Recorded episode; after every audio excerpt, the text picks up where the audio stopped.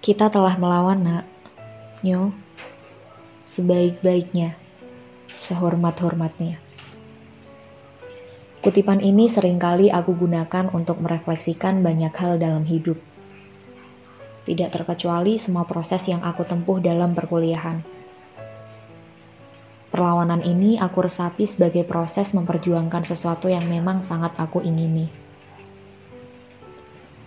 Mungkin beberapa dari kita pernah merasa menyesal dengan hal-hal yang terjadi selama kuliah.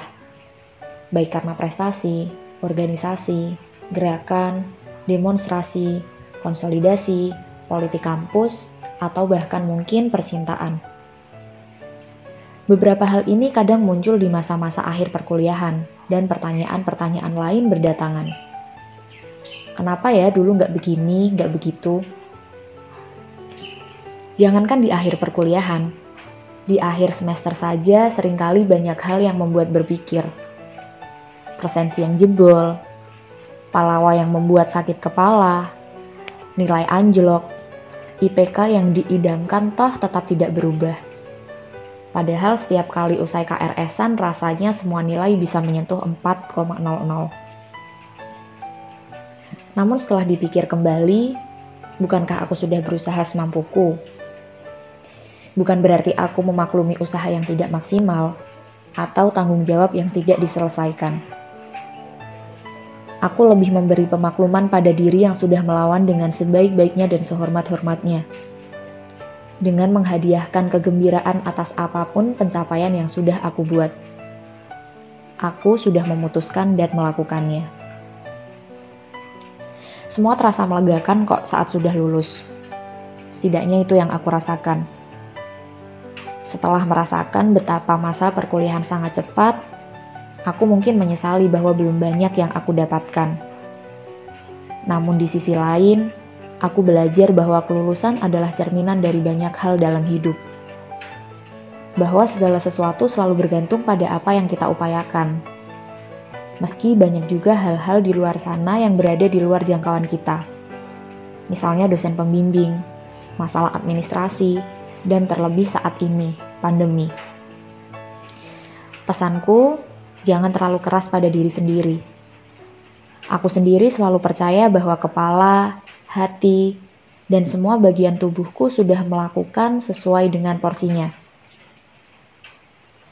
Ngomong-ngomong soal lulus, kemarin aku mendapatkan pertanyaan yang cukup banyak, terutama soal masa studi yang cukup cepat untuk mahasiswa S1 Sedangkan aku masih sambil bekerja paruh waktu, mengikuti maraton kompetisi karya tulis ilmiah nasional, dan masih menjadi ketua di salah satu organisasi ekstra kampus. Sejujurnya, kuliah cepat juga bukan sesuatu yang menjadi targetku dari awal. Dulu aku selalu bilang pada orang tuaku bahwa aku paling cepat lulus 4 tahun. Itu pun asumsi jika aku bisa sangat cepat namun akhirnya semua berubah sejak masa-masa perkuliahan yang berat, terutama masalah finansial keluarga. Bagi teman terdekat, mereka tahu bahwa aku berasal dari keluarga dengan kondisi ekonomi yang biasa-biasa saja. Jika teman-teman pernah melihat drama Korea berjudul Replay 1988, teman-teman bisa melihat gambaran keluargaku dari keluarga Kim Bora. Aku adalah anak pertama dari tiga bersaudara sama seperti Bora, aku merupakan anak yang cukup cerdas yang bisa bersekolah di universitas favorit. Padahal sejak kecil aku sama sekali tidak pernah merasakan les di luar yang disediakan oleh sekolah. Dan karena kondisi keuangan itu pula, sejak semester 3 aku mencoba mencari tambahan penghasilan, sekedar untuk membayar biaya kos bulanan maupun jajan sehari-hari. Awalnya aku pikir keuangan keluargaku akan terus stabil setidaknya untuk membayar UKT. Namun tahun lalu adikku masuk SMK dan biayanya tentu tidak murah. Seketika keputusan lulus 4 tahun lebih menjadi tidak realistis lagi. Lagi pula aku sudah menemukan topik skripsi sejak semester 3 dan proposal sudah aku kerjakan setengah pada semester 5 ini membuatku memutuskan untuk segera lulus. Karena keluarga yang sangat antusias dengan kelulusanku, padahal saat itu belum ada kejelasan kapan aku akan sidang skripsi, ibu sudah membeli kain untuk keperluan wisuda. Bagiku ini sekaligus menjadi dorongan agar segera selesai untuk mengerjakan skripsi. Nah, akhirnya setelah menjalani sidang skripsi, semua terasa melegakan. Sampai akhirnya corona datang dan sedikit mimpiku untuk di wisuda didampingi keluarga harus aku ikhlaskan. Sejujurnya aku tidak masalah meskipun aku tidak di wisuda dengan prosesi di Geraha Sabah sekedar di wisuda online pun aku sudah bahagia. Karena hal paling penting adalah aku lulus. Aku tidak lagi membebani orang tuaku soal biaya kuliah. Namun ternyata aku lupa bahwa kelulusanku bukan hanya milikku sendiri. Ini juga milik keluargaku, yang selalu menyediakan rumah terbaik untuk pulang. Yang selalu menjadi motivasi agar segala hal berjalan dengan baik. Akhirnya aku sadar bahwa ada secuil mimpi orang tuaku yang juga harus ikut lepas bersamaan dengan keadaan ini. Meski masih ada harapan di wisuda dengan toga di waktu yang akan datang, tapi di saat seperti ini, sepertinya belajar menerima adalah jauh lebih baik.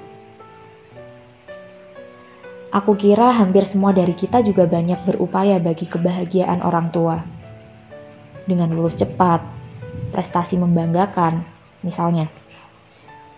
Tapi setelah melihat bagaimana bapak dan ibu menerimaku, aku senang menyadari bahwa yang terpenting dari kuliah adalah proses dialog dengan mereka. Bukan saja soal menjadi tercepat atau teristimewa. Aku senang menyadari bahwa di usia seperti ini, mereka lebih senang bahwa aku sehat dan makan dengan banyak. IPK, gaji, atau apa pun bukan lagi sesuatu yang merisaukan. Aku senang bahwa mereka percaya padaku untuk keputusan yang akan, sedang, dan sudah. Untuk hal-hal yang akan menjadi mimpiku atau juga mimpi-mimpi mereka.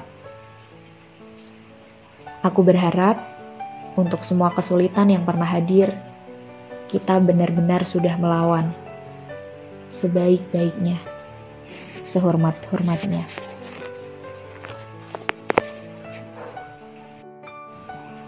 Pada akhirnya, aku hanya ingin mengulang kembali bahwa lulus adalah sepenuhnya tentang kita. Tidak masalah apakah itu cepat, sedang, lama, dan IPK berapa saja. Semua perjuangan adalah mahal. Semua upaya adalah hal baik untuk dirayakan. Jika kamu mendengar ini, semoga hatimu sedang merasakan kegembiraan. Sampaikan salamku pada setiap upayamu yang pasti sulit dan melelahkan. Kamu berhak hidup dengan baik.